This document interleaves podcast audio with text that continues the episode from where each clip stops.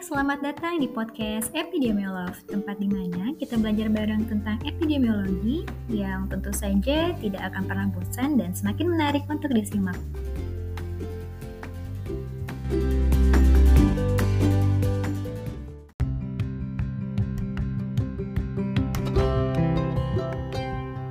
Salah satu tugas peneliti yang amat menentukan keberhasilan dari sebuah penelitian tentu saja mengidentifikasi dan merumuskan masalah.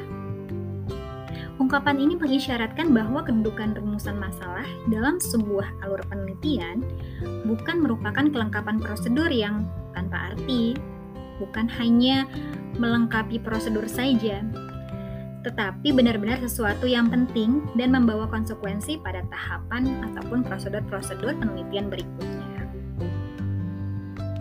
Seorang peneliti yang tidak tahu secara pasti apa sih masalah penelitian yang dihadapi, sama halnya dengan orang yang tidak tahu tentang apa yang harus dia perbuat terhadap sebuah masalah. Maka di sini kita akan belajar tentang bagaimana kita bisa melihat ataupun mengidentifikasi sumber permasalahan di sebuah bidang tertentu. Kalau kita lihat bahwa sebuah masalah penelitian muncul itu dari mana sih?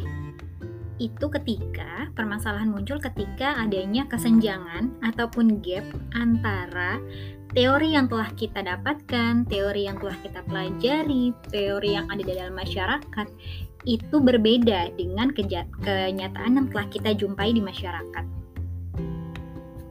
Misalnya begini, sering kali fenomena-fenomena di sekitar kita itu berbeda dengan apa yang telah kita pelajari, baik dari segi klinis, biologis, maupun sosial.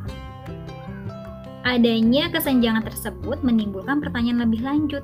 Kenapa ya kesenjangan itu terjadi? Kenapa sih ada gap di dunia kesehatan masyarakat? Kenapa sih adanya penyakit tertentu?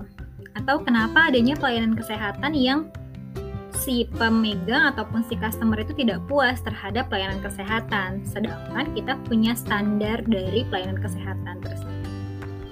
Nah, itu adalah permasalahan-permasalahan penelitian yang bisa kita terus kembangkan menjadi sebuah latar belakang penelitian.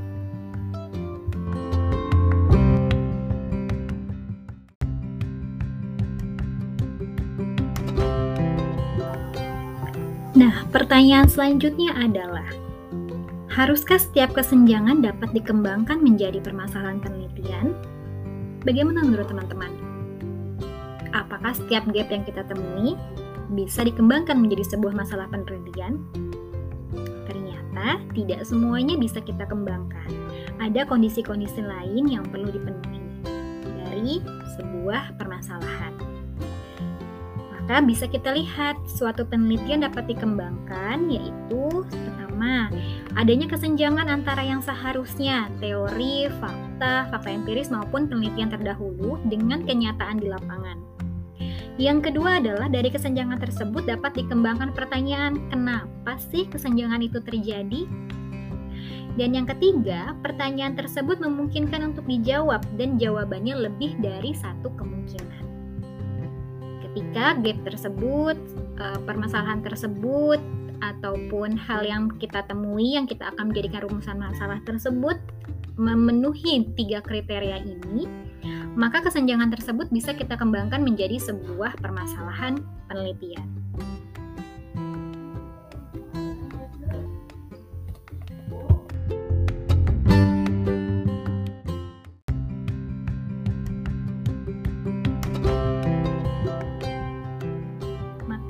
Dari kondisi tersebut, kita bisa dapat merumuskan apa sih permasalahan penelitian itu. Permasalahan penelitian adalah pertanyaan tentang situasi problematik permasalahan yang timbul dari kesenjangan antara kenyataan dengan teori ataupun fakta empiris dari penelitian terdahulu yang memungkinkan untuk dijawab dan terdapat lebih dari satu kemungkinan jawaban. Dari pengertian tersebut diketahui bahwa rumusan permasalahan penelitian harus berupa kalimat yang isinya mempertanyakan kesenjangan yang ditemukan peneliti, baik dalam kalimat tanya maupun dalam kalimat positif.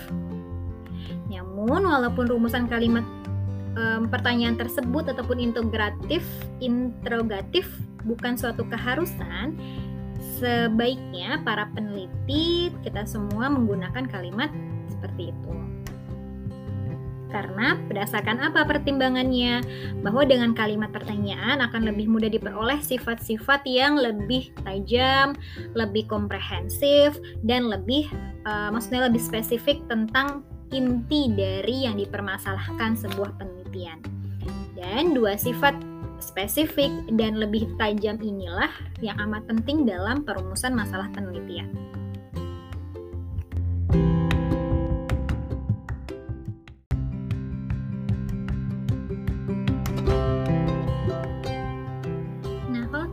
Aplikasikan dalam sebuah proposal penelitian, ketika kita ingin menulis rumusan masalah, maka teman-teman bisa menulis ada hubungan ataupun atau apakah ada hubungan hubungan antara dua variabel atau lebih yang belum terjawab dengan penelitian yang ada.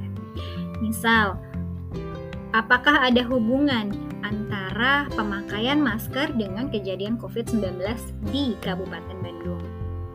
Ataupun apakah ada hubungan antara tarif premi BPJS dengan kepatuhan pembayaran premi BPJS seperti itu. Itu adalah contoh dari rumusan masalah.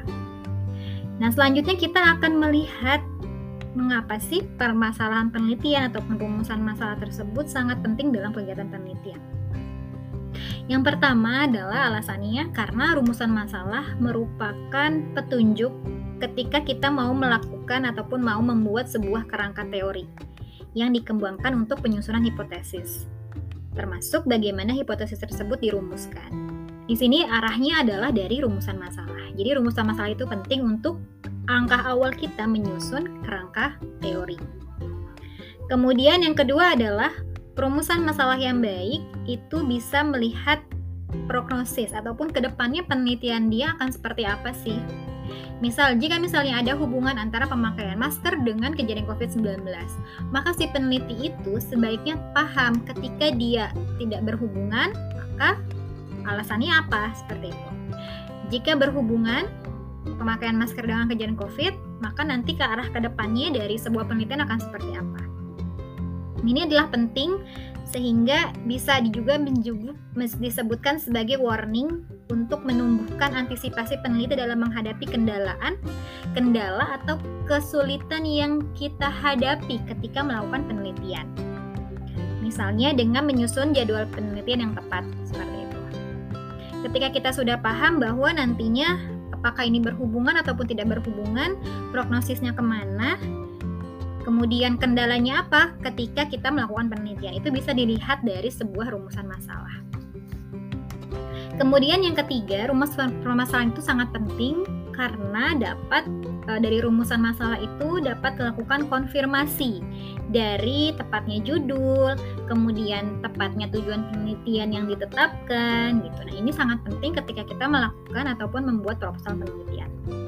Yang keempat adalah dari rumusan masalah dapat diketahui seberapa jauh sih penelitian yang akan dilakukan. Apakah dia berbobot? Apakah penelitian tersebut orisinil gitu ya? Ataupun penelitian tersebut copy paste dari penelitian lain? Atau apa sih keunggulan dari penelitian yang kalian lakukan? Seperti itu. Ini sangat penting ketika peneliti tersebut melakukan penelitian.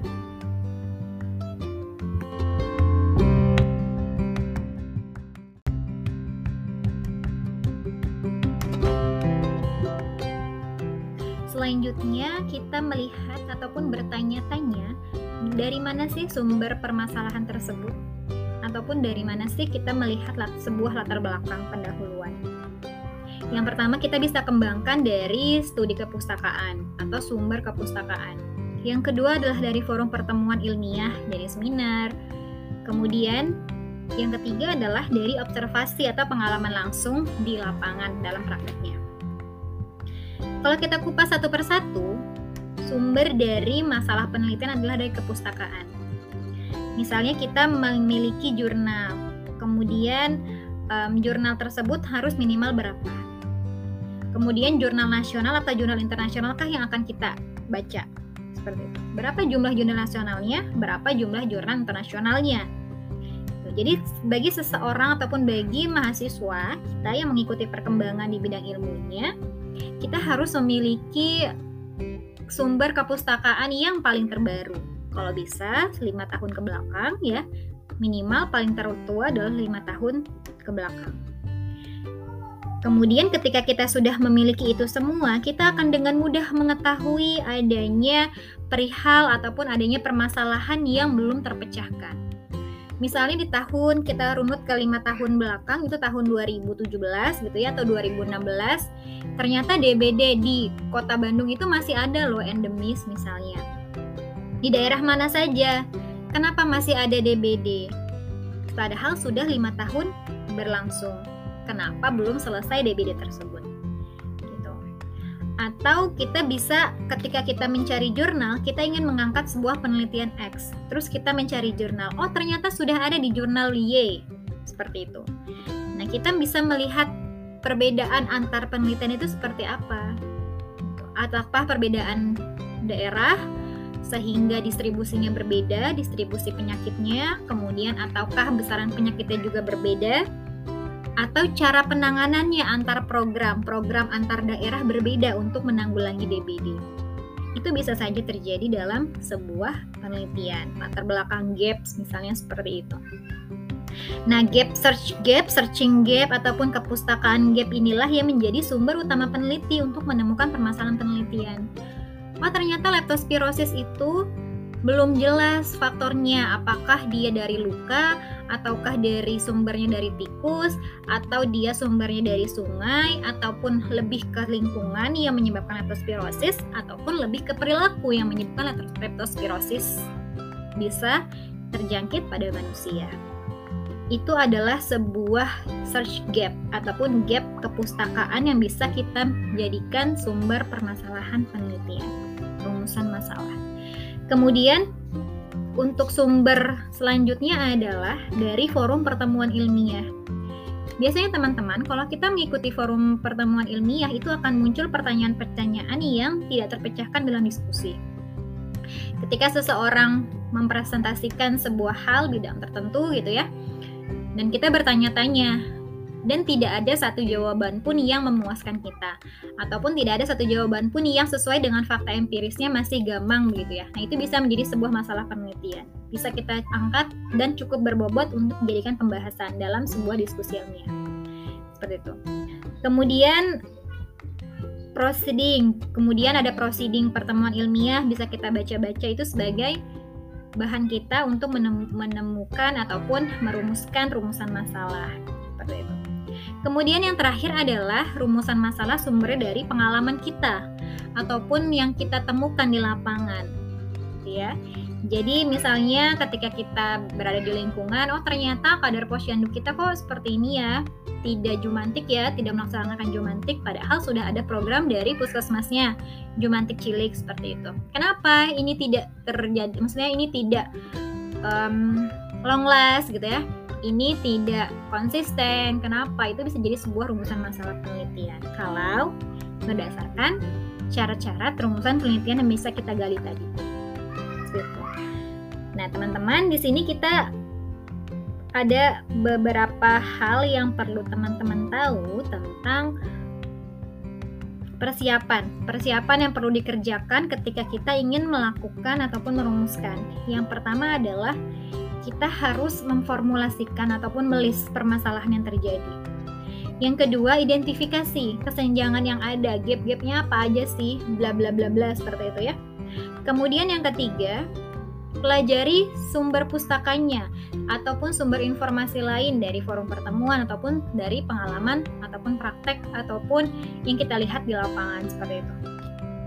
Kemudian yang terakhir adalah ketika kita sudah melakukan itu semua, kita sudah mengkaji, kita sudah melis uh, rumusan masalahnya, lakukanlah inti, pilih inti permasalahan dari yang telah kita list itu. Jadi pilih yang paling menarik, pilih yang paling applicable, pilih yang paling solusinya dibutuhkan untuk daerah tertentu atau untuk instansi tertentu yang paling dibutuhkan. Nah, sampai sini semoga teman-teman bisa paham bagaimana cara merumuskan pendahuluan yang isinya adalah latar belakang, rumusan masalah, tujuan, dan manfaat.